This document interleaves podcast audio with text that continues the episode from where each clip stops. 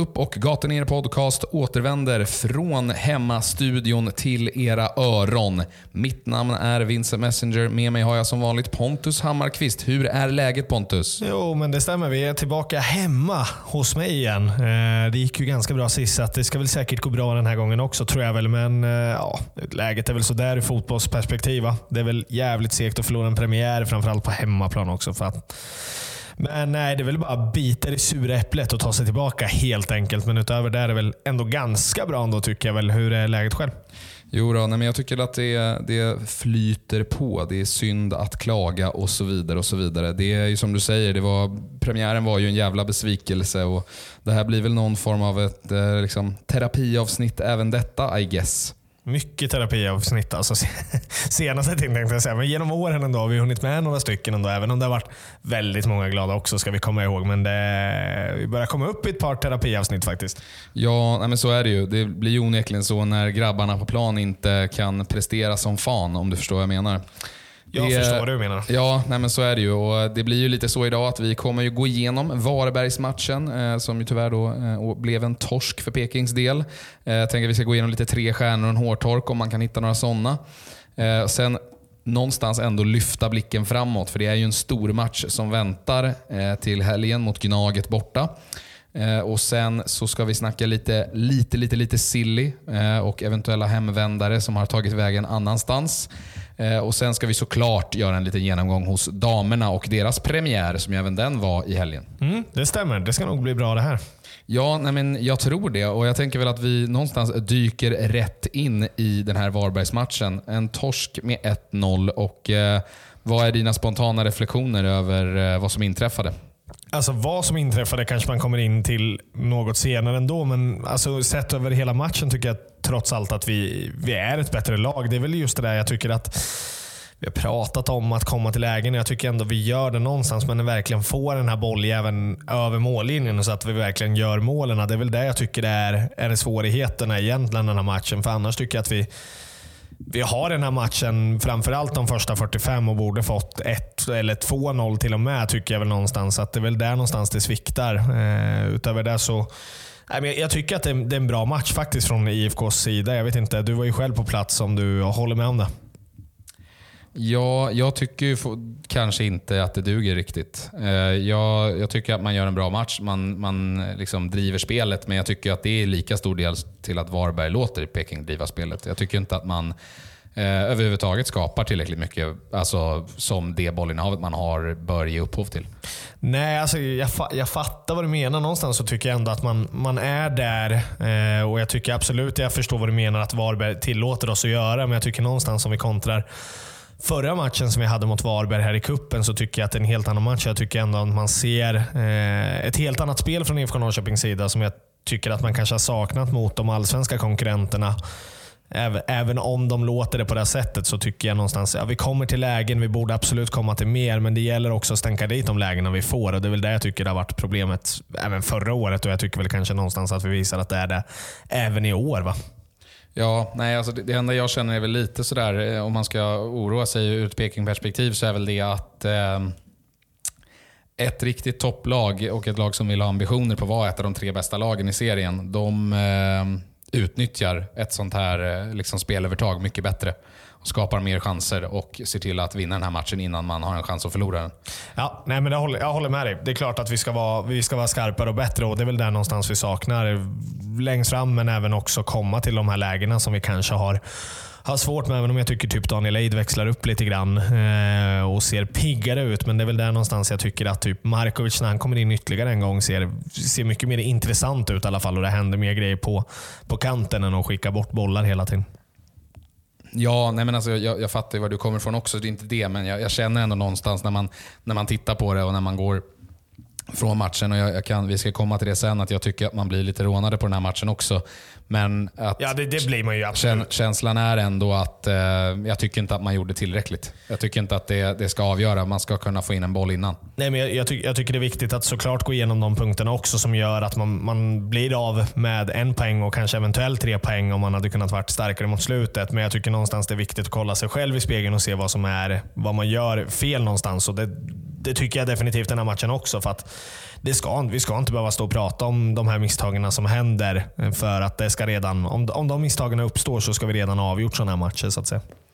Ja, nej men, så det finns ju sannolikt grejer att jobba på eh, hos Peking och det, um, ja, jag vet inte. Det, det känns, jag kan inte låta bli att tycka att det känns lite oroväckande att åka till ett, eh, ett något skadeskjutet AIK på deras hemmapremiär här nästa helg. Men eh, det, vi kommer ju dit lite senare. Det gör vi.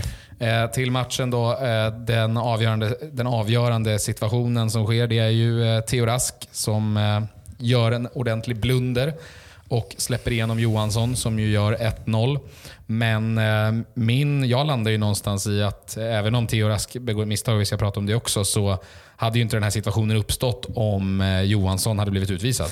Nej, och det är väl där någonstans som jag landar i som blir så fruktansvärt irriterande över att vi måste stå och prata om de här situationerna. För att vi hade gjort det trots allt ändå, även om vi hade vunnit den här matchen med 2-1 eller 3-1 eller vad det nu hade slutat. Det, liksom inte i grund och botten över eh, att vi förlorar den här matchen på det här sättet. Utan jag tycker någonstans att vi, som du har sagt tidigare, att framförallt om Kristoffer Karlsson, då, men det är väldigt många matcher vi står och pratar om faktiskt domarna efter matchen också. Och här har vi en linjedomare som står nu, du vet och ni andra vet också att jag har ju en förmåga att kanske inte hylla alla Kim. Men här har du linjedomaren, som jag inte kommer ihåg vad han heter, som är precis i rätt läge för att se den här situationen när Nynne Dagerstål får en eh, armbåge i ansiktet och han behöver springa ut och sy. Och Det är ju av Johansson han får den dessutom. Och eh, det ska ju vara en frispark. Han får inte ens en frispark för överhuvudtaget, men han ska ut om du frågar mig. Ja, nej, jag håller med. Jag, oavsett om det är med flit eller inte så är det men han ju... ska inte vara där med armbågen. Nej, men det, det är samma... Alltså, och även om du tar sats med armen och så vidare för att, för att nicka bollen så, så är det ju så att det är precis som när du går in och, och, och gör en tackling. Va? Du, du har ju ansvar för din egen kropp och om du träffar. Och Det är samma sak som att det inte spelar någon roll om du vinner bollen. Om du kommer in våldsamt med dobbarna upp och sträckta ben så kan du få ett rött kort ändå. Och Det är precis samma sak här. Och Här träffar han ju faktiskt och skadar Dagerstål och då tycker jag att det är no-brainer att eh, alltså gör så varje gång. Hoppa upp så med armbågen varje gång om du vill. Alltså, för du träffar ju inte någon nio gånger av tio om du, alltså, om du inte är med flit. Men när det väl träffar, då, då, då, då måste du, man ju ta ja, det. Ja, exakt. Och det är samma sak som när du tacklar. Du, du kommer inte göra en ful tackling nio gånger av tio när du försöker vinna bollen. Nej. Men om du väl gör det och inte tänker efter eller whatever, att du är lite flängig med, med benen eller flängig med armen eller whatever, och du träffar och du framförallt i det här fallet orsakar ganska stor skada, liksom en spräckt ögonbryn, då är det ju bara, det är bara att gå av. Ja, men jag håller med dig. Alltså, han, utger, han är ju en fara för Dagerstål någonstans där. Och det ska ju vara, vi ska vara glada över att det inte blir något värre, även om han är där ganska lös. Men han får ju liksom en smäll rätt över liksom, eh, ögonbrynet och börjar ju blöda väldigt mycket också. Det, det, blir ju också att vi blir tvingade att byta ut honom för att det är ingenting vi hinner göra och då måste Rask komma in ouppvärmd och hela den grejen. Frågar du mig, det är klart Rask måste sköta det här bättre någonstans. Han, kommer trots allt till ett IFK där vi ska vara bättre än så här. Men nej, Johansson ska inte vara kvar på plan och det gör mig så jävla irriterad över att man ser så jävla tydligt på bilderna efteråt. För jag kunde inte avgöra det där och då. Just då var jag inte så sur för jag hade inte sett vad som hände riktigt. Men när jag ser det i efterhand, det är ju det är ett jävla skämt alltså. Det är ett skämt att han får vara kvar på plan. Ja, och det är ju en fruktansvärt dålig timing också för att det är just The Dagerstål som jag tycker var en av de bättre spelarna i matchen. Jag tycker han verkligen utstrålar varför han, lite som vi pratade om innan någon hemvändare blev eventuellt klar, så att vi snackade om att den som kanske känns mest rimlig att genomföra, som också kanske är den som passar in bäst, även fast man vill ha en till striker och så vidare, kanske är Filip Dagerstål. Mm. Och helvete vad mycket mer stabilt det ser ut när han, när han står bredvid Linus där på den där vänstersidan. Mm, verkligen, jag håller med dig. Alltså, jag tycker han har sett jättefin ut, både i träningsmatch men även Eh, framförallt den här matchen. Jag tycker att han var ja, en av de bättre spelarna den här matchen också. Vi ska ju komma till tre stjärnor såklart, men eh, han är fantastisk. Ja, nej, men och det, det är det jag menar. Att det blir så jävla dålig, dålig liksom, timing att det är just han också som åker på den här mm. smällen. Måste gå av.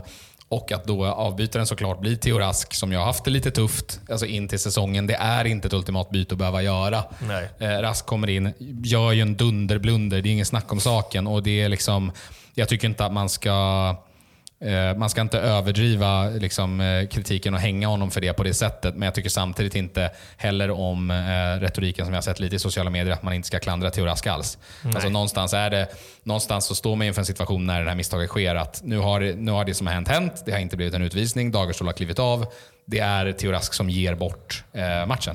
Ja, och det, exakt. och det, det är ett faktum, så får man bara säga. Och så får man glömma det och gå vidare. Men det, det bygger ju tyvärr på ett narrativ som vi redan har pushat lite tidigare. Den här frågan om om han verkligen håller på den här nivån. Och i- man kan ju inte direkt säga att man har blivit mer övertygad. Nej, alltså han övertygar ju inte någonstans egentligen eh, över det han har spelat i år hittills. Och någon slags fotbollsspelare finns det i honom uppenbarligen. Och jag menar, det har man ju sett tidigare också, att man har plockat in honom och dylikt. Men jag tycker ju inte, som du säger, jag, jag, jag kan inte säga emot det heller. Liksom. Det är klart att vi inte ska såga Rask längs fotknölarna efter det här, men det är ju ett misstag som inte får begås. Och Det är ju inte jättekul att det här misstaget begås kanske efter han ligger bakom typ mer eller mindre tre mål i en, sem- eller i en kvartsfinal i Svenska Cupen mot Hammarby borta heller. Det blir ju inte positiva besked liksom för, för hans del och energin liksom och självförtroende hos Theo Rask höjs ju inte till skyarna. Och Det blir också svårt att motivera för liksom en Rickard Norling att han ska fortsätta vara den spelaren någonstans som står för Lund. Även om jag tycker att Lund inte har varit liksom lysande heller.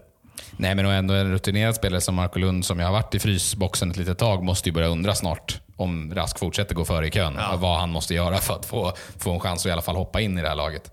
Ja, nej men jag, hade, jag hade också funderat om jag hade varit i Lunds situation. Så är det ju. Det är inga konstigheter. Någonstans så har han ju åldern. Han har gjort sina tabbar och hittan och dittan, men någonstans om Theo Rask fortsätter göra dem så är det väl såklart konstigt att man inte får chansen när det finns andra spelare i ledet bakom som dessutom kanske är äldre och har mer rutin i ryggsäcken. Men visst, det beror ju på hur liksom Rickard Norling vill se på det här. Vill man fortsätta genom chansen för att visa att han ska få tillbaka det här självförtroendet? Eller tycker man att det börjar bli för dyrbart nu och ja, men någonstans blivit av med två matcher? Inte bara på grund av honom i grund och botten, men en stor del där han har legat bakom många av målen som har varit ganska dyrbara hittills i alla fall. Ja, Men jag hoppas ju såklart att Theo Rask hittar tillbaka om han nu får chansen snart. Ja, ja nej, men det behöver ju inte vara, det behöver inte vara något liksom godnattbesked det här. Alltså på så sätt, vi hade ju en period när vi stod och, och pratade i liknande termer om Henrik Kastegren till exempel, som jag hade en väldigt, ett väldigt svagt halvår, eh, en väldigt svag höst i Peking för, ett, eh, för något år sedan. Och man visste inte riktigt vad som skulle ske. Och Sen så går han ut säsongen efter och är kanonbra. Eh, och, och, och Rask har ju lite, kanske inte lika drastiskt, men en lite liknande kurva. Att han kommer fram, ser spännande ut, ser bra ut och tänker ja, men han kan nog kliva in här snart i det här laget. Och sen nu kommer ju uppenbarligen en jävla dipp. Eh, och Då får man väl bara hoppas att han kanske kan göra lilla Kastegren-resan och komma tillbaka. För att uppenbarligen, utifrån reaktionerna från spelare och ledare i IFK, så känns det ju inte som att de har tappat förtroendet för honom på grund av den här, liksom, så här tidigt in på säsongen. Nej, nej, och det tycker jag väl inte man ska göra heller. Man har ju ändå varit ganska tydlig med man har ju sett vad man har i honom på träningar och sånt också. Men jag tycker väl såklart att man inte ska tappa förtroendet för honom än. Men någonstans så kanske han inte borde stå först i ledet och komma in här. Nej, det, det kan jag hålla med om. Han, han kanske skulle må bra av en liten tid på sidan. Ja, men jag tror det. Och framförallt efter det kanske ett litet wake-up call av Rask också. Vi har ju hört honom det var väl redan under Jens-tiden där tror jag, att han var lite besviken. att han inte, Då fick han ju typ inte spela en enda match, så det kan jag väl liksom köpa. Men han har ju varit den som har verkligen velat komma fram och varit kanske jag vet inte, men utifrån rubriker kanske verkat vara lite mer stressad över att faktiskt, så här, jag, jag platsar på den här nivån. Och nu kanske han känner att, så här, okej, jag kanske behöver jobba mer i det tysta och verkligen knyta näven i fickan och komma ut och visa oss och alla supportrar och alla andra där tvivlare där ute att det finns fan en bra fotbollsspelare i honom. För att det, det tvivlar jag inte en sekund på. Det är bara att det måste komma ut. Vidare från Rask då och det som skedde på planen. Eh, Jag tror inte att vår, några av våra lyssnare är sådär super eh, eh, liksom, ny, sugna på att dra ut på det här. Nej, det hörs väl lite i min röst också tror jag. Att ja. jag inte är sådär jättetaggat över att prata om Varbergsmatchen. Men så är det och det vet ju alla om också. Tyvärr så flyttar vi oss till vad som eh, skedde mer på läktaren och det var ju inte heller sådär... Eh, det fanns både... I och för sig, det fanns, Ja, det finns det fanns därifrån. positiva besked där också, men eh, det som ju framförallt hänger kvar hos mig, jag skrev det att eh, ja, det var ju en fiasko, en besvikelse på plan. Och Man måste väl ändå säga att det var en jävla besvikelse på läktaren också sett till hur många som faktiskt dök upp på en allsvensk premiär. Ja, nej det är underkänt. Det, det går inte att säga någonting annat. Visst, det, man kan säkert kolla tillbaka tidigare att det har varit corona och liknande, men det är bara att kolla på de andra läktarna också, vad som har funnits runt om i Sverige med. Men jag tycker inte vi ska stirra oss så blinda på det här. Liksom 6 000 knappt på en premiär, det är, det är inte acceptabelt egentligen. Utan det, det måste man göra bättre. Och någonstans, framförallt till de som lyssnar på det här, som kanske inte dök upp eller liknande. Så här, det- det är fine, jag har inga problem med det. Men just kanske jobbet runt IFK Norrköping inför den här premiären. Jag tycker att man, vi, både du och jag, har ju hyllat IFK Norrköping väldigt mycket. Men jag tror att det finns en växel till där det gäller marknadsföringsmässigt. När det gäller att verkligen nå ut med biljetter till, till folk och få faktiskt hypen innan den här premiären. Inte bara på sociala medier och sånt där man har varit ruskigt mycket vassare mot tidigare och ser ett jätteframsteg. Men typ ut på stan och kanske nå ut med det här mycket mer till gemene man som kanske inte följer IFK svinstarkt. Nej, men jag tror att man måste förstå, alltså det, det gör mig lite mörkrädd om man inte har fattat det. Uh, det får väl återstå väl att se, men alltså, det här kanske blir ett wake-up call. Men att eh, man måste förstå att för det har man ju sett i eh, mindre sporter i Sverige, till exempel då handboll, bandy, lite sådana här ja, mindre, men ändå stora publiksporter i Sverige, men några mindre.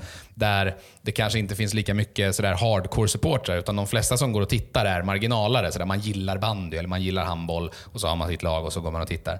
De har ju sett en väldigt stor procentuell minskning i publik efter pandemin.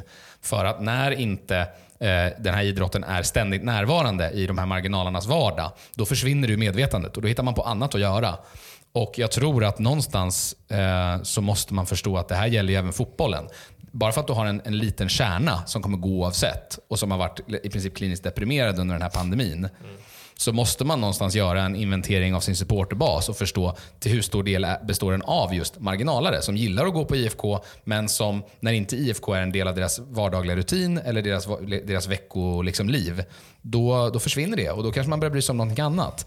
Och tydlig, alltså det är uppenbart så är ju det fallet här. Och att man måste förstå att de här marginalerna kommer inte komma tillbaka utan riktade marknadsinsatser. Och att man faktiskt måste plöja ner lite pengar i det här för att faktiskt få folk att börja gå igen. Du måste liksom nästan bygga om en kultur på nytt hos halva publiken. Förstår jag menar? För att komma tillbaka. Och, och, det, och det blev ju tydligt eh, på premiären att det, det, är många som har fallit bort. Ja, men jag vet att du varit inne lite på det här stråket förut och det låter inte alls orimligt. Någonstans så får man väl kanske lite grann fakta på det nu också. Jag tycker det, att du är väl inne på ett jävligt bra spår och någonstans borde man kanske se sig i spegeln och ja, borde hanterat det här bättre. Men det, ingenting är ju för sent bara för att en premiär. Det är liksom 14 hemmamatcher kvar under den här säsongen. Det är mycket mer som ska hända och happenings jag menar, det är inte mig och de här eh, supportrarna som går på mer eller mindre varje match som faktiskt alltid köper årskort år efter år. Det är inte oss eh, man behöver pusha på samma sätt. Utan jag, jag kommer ha koll på när matcherna spelas ändå. Vare sig det står på hemsidan eller vart det än står, vart jag än hittar all den här informationen. Så finns det som du säger en liksom vardaglig basis även om det har varit en corona och man har haft PTSD över att det inte ens har funnits matcher vi måste ju nå ut på ett annat sätt. Och hur kan man göra det? Det kanske inte jag är den bästa på att svara på alla gånger, men man behöver ju nå ut på stan mycket mer och synas mycket mer. Jag menar, jag tycker bara så små detaljer som vi har pratat om med till exempel, jag tycker Sirius verkar ha gjort det ganska bra nu över en hype. Nu vet inte jag hur mycket de var på deras hemmamatch, men de är ju liksom inte en större publik än vad vi är. Men just det här med att de har varit tydliga med att synas på stan på ett helt annat sätt och finnas liksom runt staden, inte bara liksom runt parken och på sociala medier på det sättet, så där man har gjort det bra nu. Nej, och jag tror att man måste någonstans inse som idrottsförening att eh, också vilka enorma resurser man har till hands som är gratis. Alltså just någonstans för att peka på det här, ja, man kanske inte har pengarna eller man har inte personalen för att kunna genomföra de här större marknadsinsatserna. Eller whatever. Alltså, det är ju en idrottsförening med människor som brinner för föreningen. Det innebär att det finns tusentals människor som gör saker gratis och som har olika typer av kompetenser som kan tillföra till sådana projekt. Alltså om man då vill lägga lite tid i att sjösätta ett marknadsföringsprojekt där man tar hjälp av eh, tifo-grupper, supportergrupper där folk kan bidra med sin kompetens från sitt yrkesliv eller sitt civila liv in i att kunna göra saker för IFK. Och att man någonstans liksom erbjuder ett tak för alla de här människorna att samlas under. Och Detsamma gäller ju för, man har ett campus här på stan med folk som jobbar med grafisk design och kommunikation. Du har folk som jobbar med kommunikation och marknadsföring och som pluggar det och som vill göra grejer till sina portfolios och som är extremt jävla duktiga på vad de håller på med. Samma sak där. Ge de här människorna ett forum att möta varandra och på så sätt utnyttja den resursen. Du behöver inte anställa två personer till på kommunikations och marknadsavdelningen om du är lite clever. Och jag tror, att, jag tror att man måste någonstans inse den dolda potentialen och de dolda tillgångarna.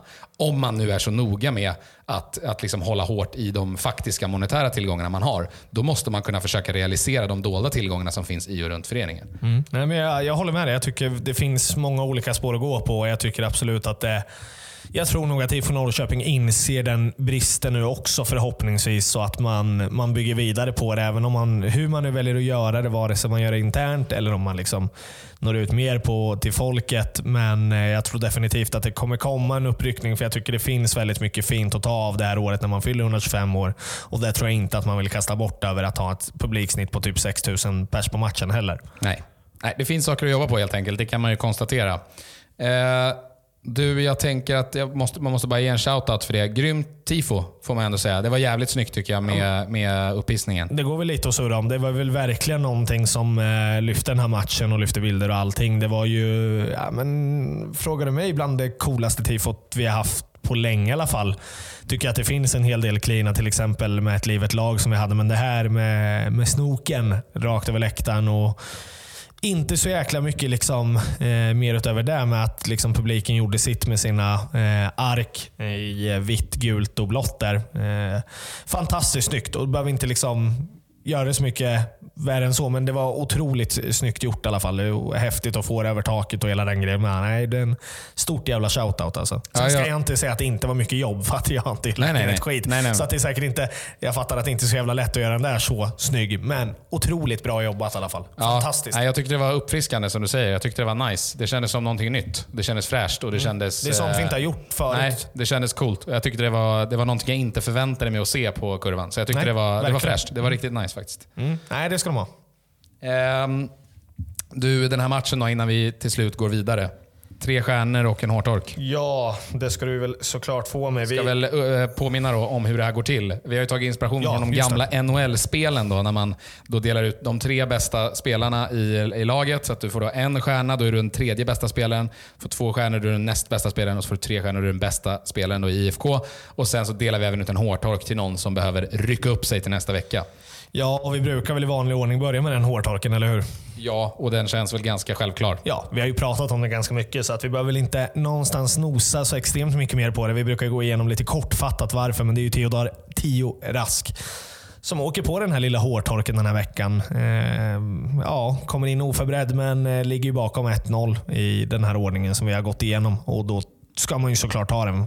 Han blir ju dock dessutom utbytt efteråt också. Säga, det blir dessutom utbytt. Man vet inte riktigt vad det gör med självförtroendet. Nej, det är ju ingen rolig grej, även om det kanske är att man vill ändra på matchbilden och då är det väl Tio som, eller ändra på matchbilden, men man vill väl få fram mer folk i banan och Tio som precis gjort det misstaget. Eh, vi ska ju komma in på lite mer andra eh, tre stjärnor här, vilket de dyker upp i. Och då blir det ju Tio som åker där, så att det behöver inte heller bara vara att han gjorde det asdåligt, utan att han bara behövde göra någonting nytt. Det är ju Lima som kommer in på det här dessutom. Ja, och han var asdålig. Så, så är det ju. Ja, men eh, det är bara, det är bara att bryta ihop och komma igen. Absolut, absolut. Men där jag ville landa lite i då, att en stjärna får faktiskt eh, Godswill Ekpola den här matchen. Mm, jag tyckte han såg pigg ut, framförallt framåt. Mm, ja, men verkligen. Det händer saker och han är rivig, slitig. Vinner mycket boll, men känns jävligt stabil och precis den där gubben vi har snackat om att han har varit i Häcken någonstans. Så det fanns ju inte en anledning till att byta ut eh, honom den här matchen. Nej, och satan vad bra han är en mot en. Alltså. Han är, det är inte många som drar sig förbi den där gubben. Nej, nej precis. Eh, det tycker jag. Även om jag tycker att Linus Wahlqvist gör en bra match och Ekpolo är jävligt vass. Alltså, det känns som att han kan ta Linus Wahlqvist eh, förra årets roll väldigt bra det här året. Två stjärnor. Eh, Abdulrazak Ishak får de. Mm. Surrar runt som, en, eh, som ett bi. Som ett bi, ja. Precis. Ja, verkligen. Eh, otrolig. Bara snabb, eh, stark garvade åt det här många gånger. Jag tyckte i början att Robin Simovic som är typ längst på plan, att man liksom, han kommer vinna allt. Så gick han in två dueller mot Linus och jag var såhär, vad fan, torskar de? Och sen Ishak går in och vinner duellerna mot honom till och med. Ja. Nej, men otroligt bra. Han förtjänar två stjärnor tycker jag. Mm. Han var väldigt duktig på, på återerövring av boll. Ja, killen som borde fått frispark då, Filip Dagerstål.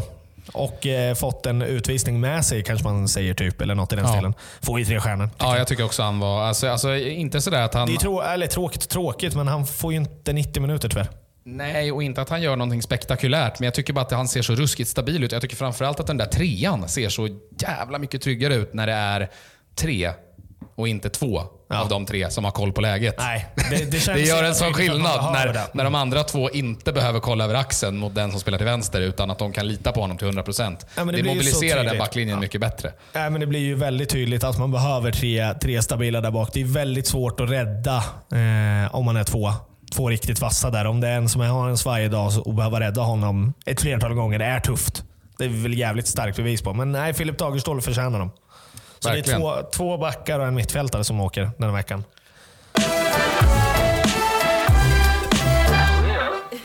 Nu eh, rör vi oss vidare då till matchen som väntar i helgen mot AIK borta. Såg att man, eh, trots kanske lite publikbesvikelse, men vi, vi sa ju att det handlade mer om marginaler än de trogna supportrarna, eh, så har man ju faktiskt sålt 200 biljetter eh, redan till bortastå. Och jag hoppas väl att, eller man hoppas väl att det blir fler ändå. Absolut. Det känns ju som att det kommer bli ett gäng och det är ju en kul match ändå för det är ju Gnagets hemmapremiär. Men frågan är hur det påverkar IFKs sportsliga förutsättningar. För att jag skrev det här att AIK, frågan är om de är lite av ett skadat rovdjur nu efter att de blev ja, nästan förnedrade får man väl säga eh, nere på hissingen och torskade 4-2. De var ju inte bra.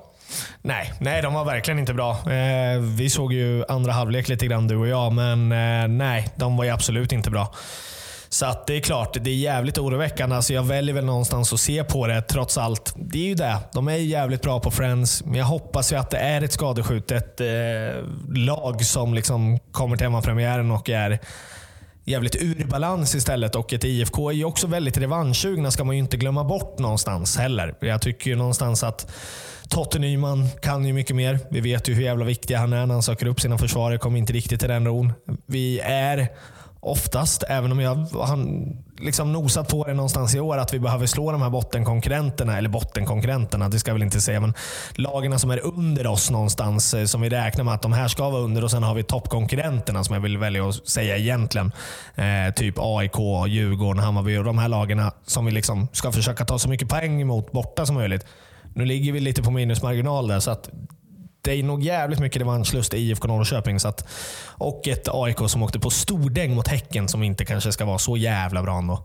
Jag, Eller som jag inte tror kommer vara så jag, jävla jag bra. tycker ju snarare att det är oroväckande att AIK förlorade mot Häcken. Ja, jag, jag- jag tycker snarare att, att de kommer in med en pinsam förlust i premiären, in på sin hemmapremiär inför 30 000 på Friends och ska ta sig an ett Norrköping som har sett knackigt ut. Jag, jag tycker att det känns jävligt oroväckande om jag ska vara ärlig. Ja, men jag, jag förstår vad du menar. Jag väljer bara att se det ur en annan synpunkt någonstans. Jag, jag tror någonstans på att, och jag, jag väljer att tro på det, det hållet också. Eh, för att jag vill det. Eh, och Jag vill att Norrköping, och jag vet att det finns något intressant i det här laget. Förhoppningsvis kanske Markovic kan få ett lyft och komma in mer i banan och vinna mer bollar och få dem att hända saker. För någonstans så kommer AIK inte vara det laget som kommer göra 4-0 på IFK. Det har jag svårt att se så att säga. Eh, det gäller någonstans igen bara att inte släppa in det där psykologiska första målet borta mot AIK. Eh, och Då tror jag att vi verkligen är med. För att vi är jävligt revanschsugna också. Det ska du komma ihåg. AIK som ju missade John Guidetti, men löste ju en ny anfallsförstärkning häromdagen i Jordan Larsson som kommer in fram till sommaren. Hur är känslorna kring det? Svider otroligt mycket. Alltså det, gör, det var ganska tufft. Alltså hade det blivit ett Helsingborg så hade man väl kanske känt att Klart att det hade svidit ändå med och hela den grejen också. Nu, jag menar, nej, det var inte roligt alls faktiskt. Utan Haxa-dealen har jag kunnat liksom mer förståelse för. Jag hade någonstans räknat med och efter man har hört vad det kostnader och liknande så tycker jag väl att det inte är liksom relevant. Men Jordan Larsson till Gnaget, det var, det var absolut inte kul. Vad- Det är honom jag ville ha också, det har vi ju pratat om. Ja, nej men och jag trodde ju faktiskt att allsvenskan var out of the question för honom. Jag trodde han skulle gå till Danmark eller någon annanstans. Och det får man ju säga att det var en kupp av Gnaget. Sen vet man ju inte hur mycket det kostar och så vidare. Men, eh, Nej, det vet vi inte. men känner man, samtidigt så tycker jag att det blir lite sådär det blir lite larvigt tycker jag när man ska börja peka fingrar över siffror och så. Eh, liksom att ja, men det där är för dyrt eller det där är för dyrt. Någonstans så bestämmer ju en klubb själva vad som är värt ens pengar. Förstår jag menar? Har man, har man eh, det är en jävla skillnad på att ha 40 miljoner och lägga ut eh, liksom 5 miljoner för, för tre månader med Haxa och ha 10 miljoner och lägga ut 5 miljoner för Haxa.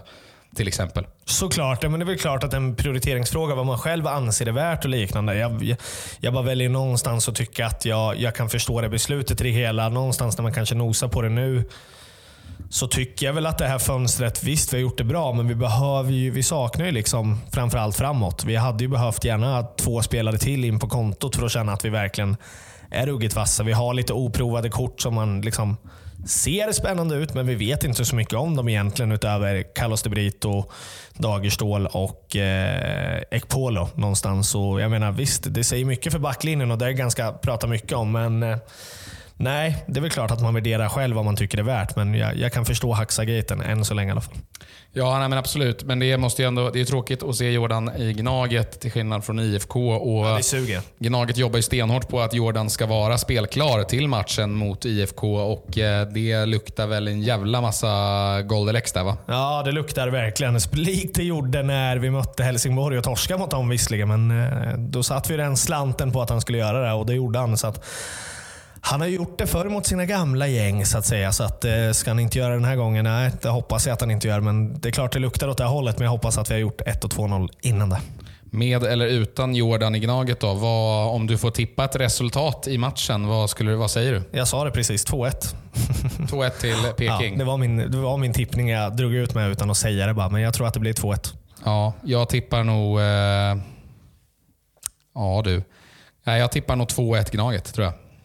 Ja, nej, jag tror att eh, Totte kommer göra ett tidigt mål och sen kommer Ortmark, eh, inte riktigt kanske stänga matchen, men eh, sätta sista bollen där i alla fall. Till 2-0. 2-1 är vi överens Ja, om men i alla fall. 2-1 blir det. Sen efter ett tag lite längre fram. Så då är, då är över 2,5 målspelet säkrat i alla fall. Så det är bara att gå in och lasta. Ja, men det är hämtgurka.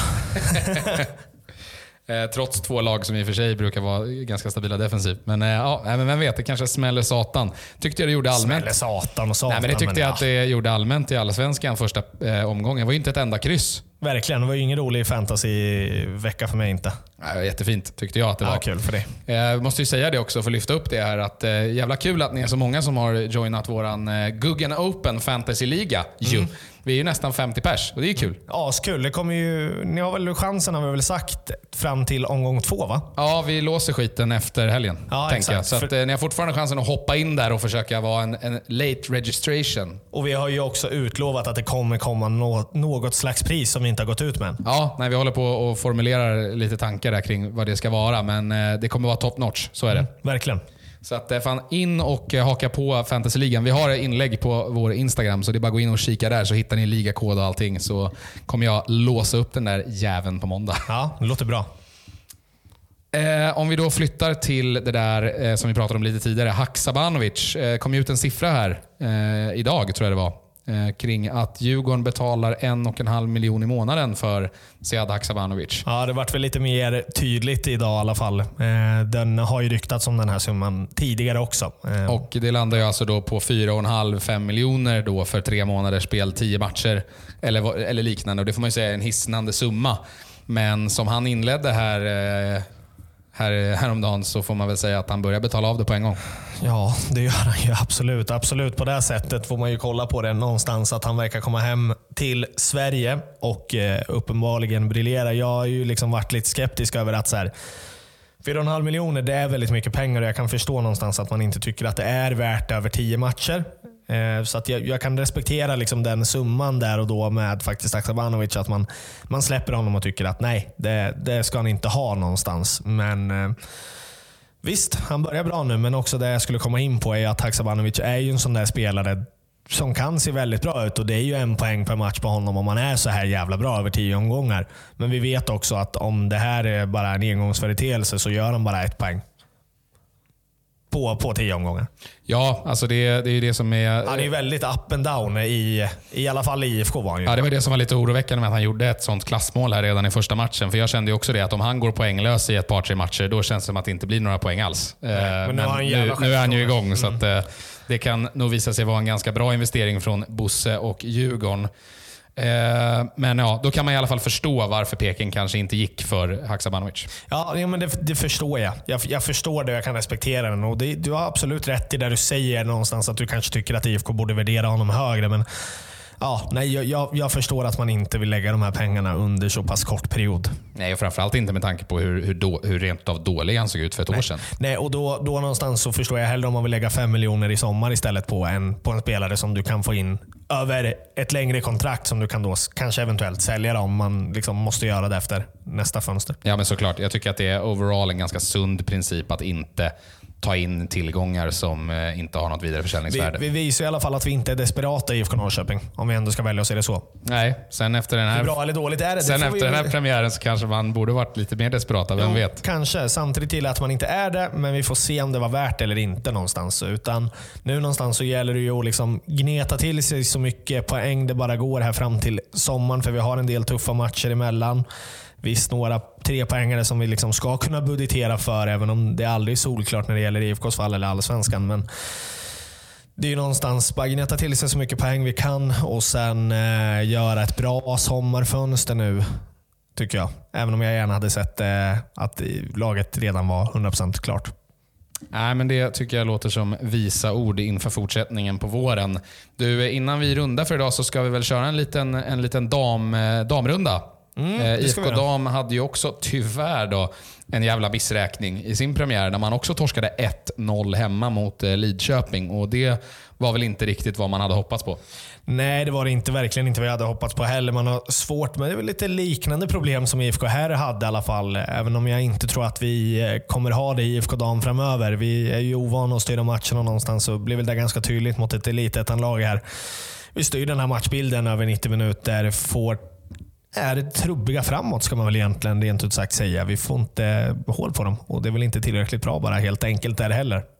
Nej, och det är lite tråkigt för att Lidköping känns som ett sånt lag. Jag tror de kom fem eller sexa förra året i Elitettan. Och Det känns ju som ett sånt, typiskt sånt lag som IFK vill utmana och vara åtminstone lika bra som i år. Och Det hade ju varit ett perfekt sätt att någonstans sätta... Ja, eh, resultatmässigt en, absolut. Ja, men någonstans sätta en markering och visa att fan, nu, nu är vi, Nu det, vi det, det är på den här nivån vi börjar. Och Jag tror nog att jag, jag känner mig väldigt eh, självsäker i att de faktiskt skulle, i en på, på förhand jämn match mot Lidköping, att de skulle gå ut och vinna. För det kändes som att de hade så mycket medvind och så vidare. Så jag hoppas inte att det här bromsar av dem för mycket. Nej, det hoppas jag inte heller. Det tror jag inte. Utan jag tycker ju någonstans också att vi, vi gör ju... Vi, vi styr ju matchbilden och vi är jävligt ovana med det någonstans. Så Lidköping var väldigt eh, nöjda och glada efter den här matchen och jag tycker nog att vi ska bara knyta näven i fickan. Det är klart det kommer bli extremt viktigt i nästkommande match som vi har också, som vi ska möta på bortaplan. Ja, för att där är det ju då dags att möta eh, Rävåsens IK på bortaplan. Och det är ju en match som man bara ska vinna. Ja. De eh, åkte ju på däng. De hade ju sin premiär hemma också mot Malbacken och torskade hela 7-0 hemma mot Malbacken. Och då måste ju IFK kunna åka dit och hämta tre poäng. Vad sa du att de hette? Malbacken. Nej men eh, motståndarna nästa vecka. Rävåsens. Rävåsens, jo men jag vet. Men bara, du hör ju namnet. Ja, ja, det låter ju som en jävla- Det är ett luffargäng. Ja, ja, det är Åshöjdens BKs kusiner. Liksom. 10A ska ju ut och bara mangla över det här gänget. Ja. Inte 10A själv kanske personligen. Nej, jag kanske inte se bilder på Twitter när Thea manglar någon. Det, det kanske jag kan undvika. Men, äh, men alltså Nej, på det... plan så ska det ju bli en total överkörning med Ja. Mikato på mittfältet och Lovisa Gustafsson längst fram och Asperoth och Taylor Townsend. Och ett fullspäckat lag det här alltså. Helvete. Ja, nej, men nu får de ju bara knyta näven i fickan och försöka ta ut sina aggressioner från, från helgen på stackars Rävåsen. Ja, nej, Rävåsen ska ju åka på bra med mycket med pisk alltså. Ja, nej men jag... jag He- Heter man Rävåsen, då ska ja, man fan nej, men något annat ska inte hända. Det, det är ju de, jag antar att det är de som kommer ersätta Keffa Bollstanäs i årets serie. Ja, kommer det vara våran lilla hackkyckling i år kanske? Rävåsen? Keffa Rävåsen, ja. Ja. eventuellt. Nej, men fan, det, det ska man bara vinna. Så nu är det dags att kliva fram och visa att man har någonting att, att, att bevisa. Eh, sista grej då är ju att eh, man har fått in ett nyförvärv. Ja, vi har ju väntat på det här nyförvärvet och det kom ju till slut i alla fall. Ja, lite udda, men kommer ju från Ghana. Eh, från, med, med eh, rutin från U-landslag och så vidare i Ghana. Och det är ju inte alls särskilt eh, supervanligt att man hämtar eh, unga spelare från Afrika i just damfotbollen och kanske framförallt inte på elitettan-nivån. Så att det här är ju väldigt spännande. Det är alltså eh, Azuma Bugre eh, som kallas för Zoom Zoom och eh, kommer från Ghana och är en sexa. En defensiv mittfältare helt enkelt. Mm, mm, mäktigt jävla eh, smeknamn med Zoom Zoom. Ja, Zoom Zoom är faktiskt jävligt eh, fett. Det, det, tyvärr så det alltså, jag är ledsen att säga det, men det slår ju proppis med hästlängder. Otroligt mycket bättre alltså. Det är Zoom, fantastiskt. zoom. Det måste komma jävla mycket bra läktarramsor på det där ni som är bra på att ta fram de här. Ja, nej, zoom, zoom, zoom ser man fram emot att se. Även om jag kunde väl skönja, och det förstår jag, eh, att Thea var väl väldigt så försiktig med att hon ska få tid och komma in i laget och sådär. Hon är väl kanske knappast tänkt att kliva in från start här direkt. Nej, hon är 19 år också, även om vi har en ung trupp. och Det ska väl kanske inte vara det stora bekymret kanske någonstans heller i det här damlaget att man är ung. Men eh, hon kommer trots allt från Ghana. Det är klart att det behöver slussas in och det är väl en sexa man har letat efter också. Eh, och verkar ju besitta de egenskaperna i alla fall, säger ju Tia Torane ganska tydligt också någonstans. Så att, visst, låt det ge det tid och sen får vi se vart det här landar någonstans. Men eh, en 19-åring kan man definitivt ge tid. Jag vet inte om du såg någonting över någon kontraktslängd heller? Nej, det har jag inte faktiskt eh, lagt märke till. Jag tror, jag tror inte att det var något man gick ut med på hemsidan än, i alla fall. Nej. Men jag Nej, antar men att det det- är under ett par år i alla fall åtminstone. Spännande i alla fall att ha en, eh, en talangfull ghanansk mittfältare på tillväxt. Mm, verkligen. Det ska bli sjukt kul att följa i alla fall under året någonstans. Verkligen. Det är så fruktansvärt tråkigt att damerna inte har hemmamatch nu på skitlänge. Ja, jag vet. Jag vet. Det suger, för vi missade, ju, vi missade ju matchen i helgen, så Ja, det var jo. jättetråkigt. Precis. Jag har faktiskt sett om den lite grann i efterhand. Ja, nej men eh, fan, det, vi får helt enkelt eh, uppmuntra tjejerna att ta några trepoängare tills de återvänder till parken så vi får gå och heja fram dem med lite momentum även på, på och utanför banan. Absolut, det är verkligen. Du, eh, vi eh, smäller väl ihop den här butiken eller? Du, det tycker jag verkligen att vi gör. Eh, En uppmaning också. Vi vill ju tacka alla återigen som kom på livepodden förra Ja, veckan. just. Mm. I förra tisdagen. Det var sjukt kul. Totte och Lovisa var i hög form som vanligt. IFK var jättesnälla och goa som lät oss låna dem. Världens Spargänget var kanon och Malin och Ivar och Martin och hela gänget som hjälpte oss ordna. Ni är hjältar. Eh, Det var superkul att träffa er alla och vi hade ju en riktigt bra kväll. Mm, verkligen. De största hjältarna var ju ni som kom dit också och gjorde den här dagen möjlig också. Det var så jävla roligt. Alltså, det här måste vi göra om igen Vincent. Jag fick otrolig blodad på det här. Ja, det var svinkul. Eh, och jag tänker väl att jag ska slänga ut det här i podden så ni vet det. Att jag kommer sätta mig efter vi har spelat in det här. Så ska jag klippa ihop en liten best of live-podden. För det är nog en hel del, en hel del grejer som kanske inte gör sig så här jättebra i Nej. poddformat i efterhand. Men jag ska försöka klippa ihop en liten best of och hoppas få ut den i slutet av den här veckan. Mm, ja, men verkligen. Det är någonting ni ska hålla utkik efter helt enkelt. Så att, eh, svinkul i alla fall. Roliga poddnyheter.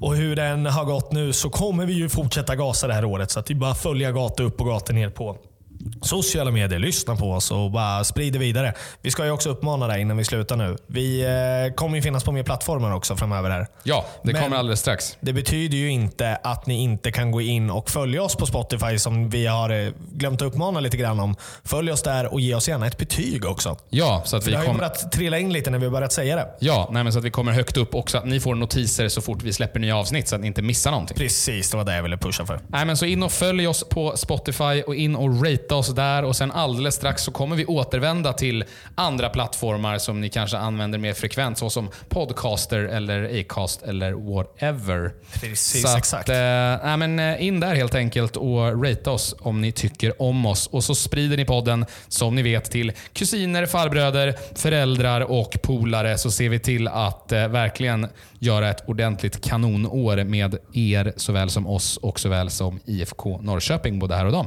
Verkligen. Fan, jag mår mycket bättre nu Vincent. Kul att snacka. Vi hörs nästa vecka. Det gör vi. Puss. Ciao. Hej.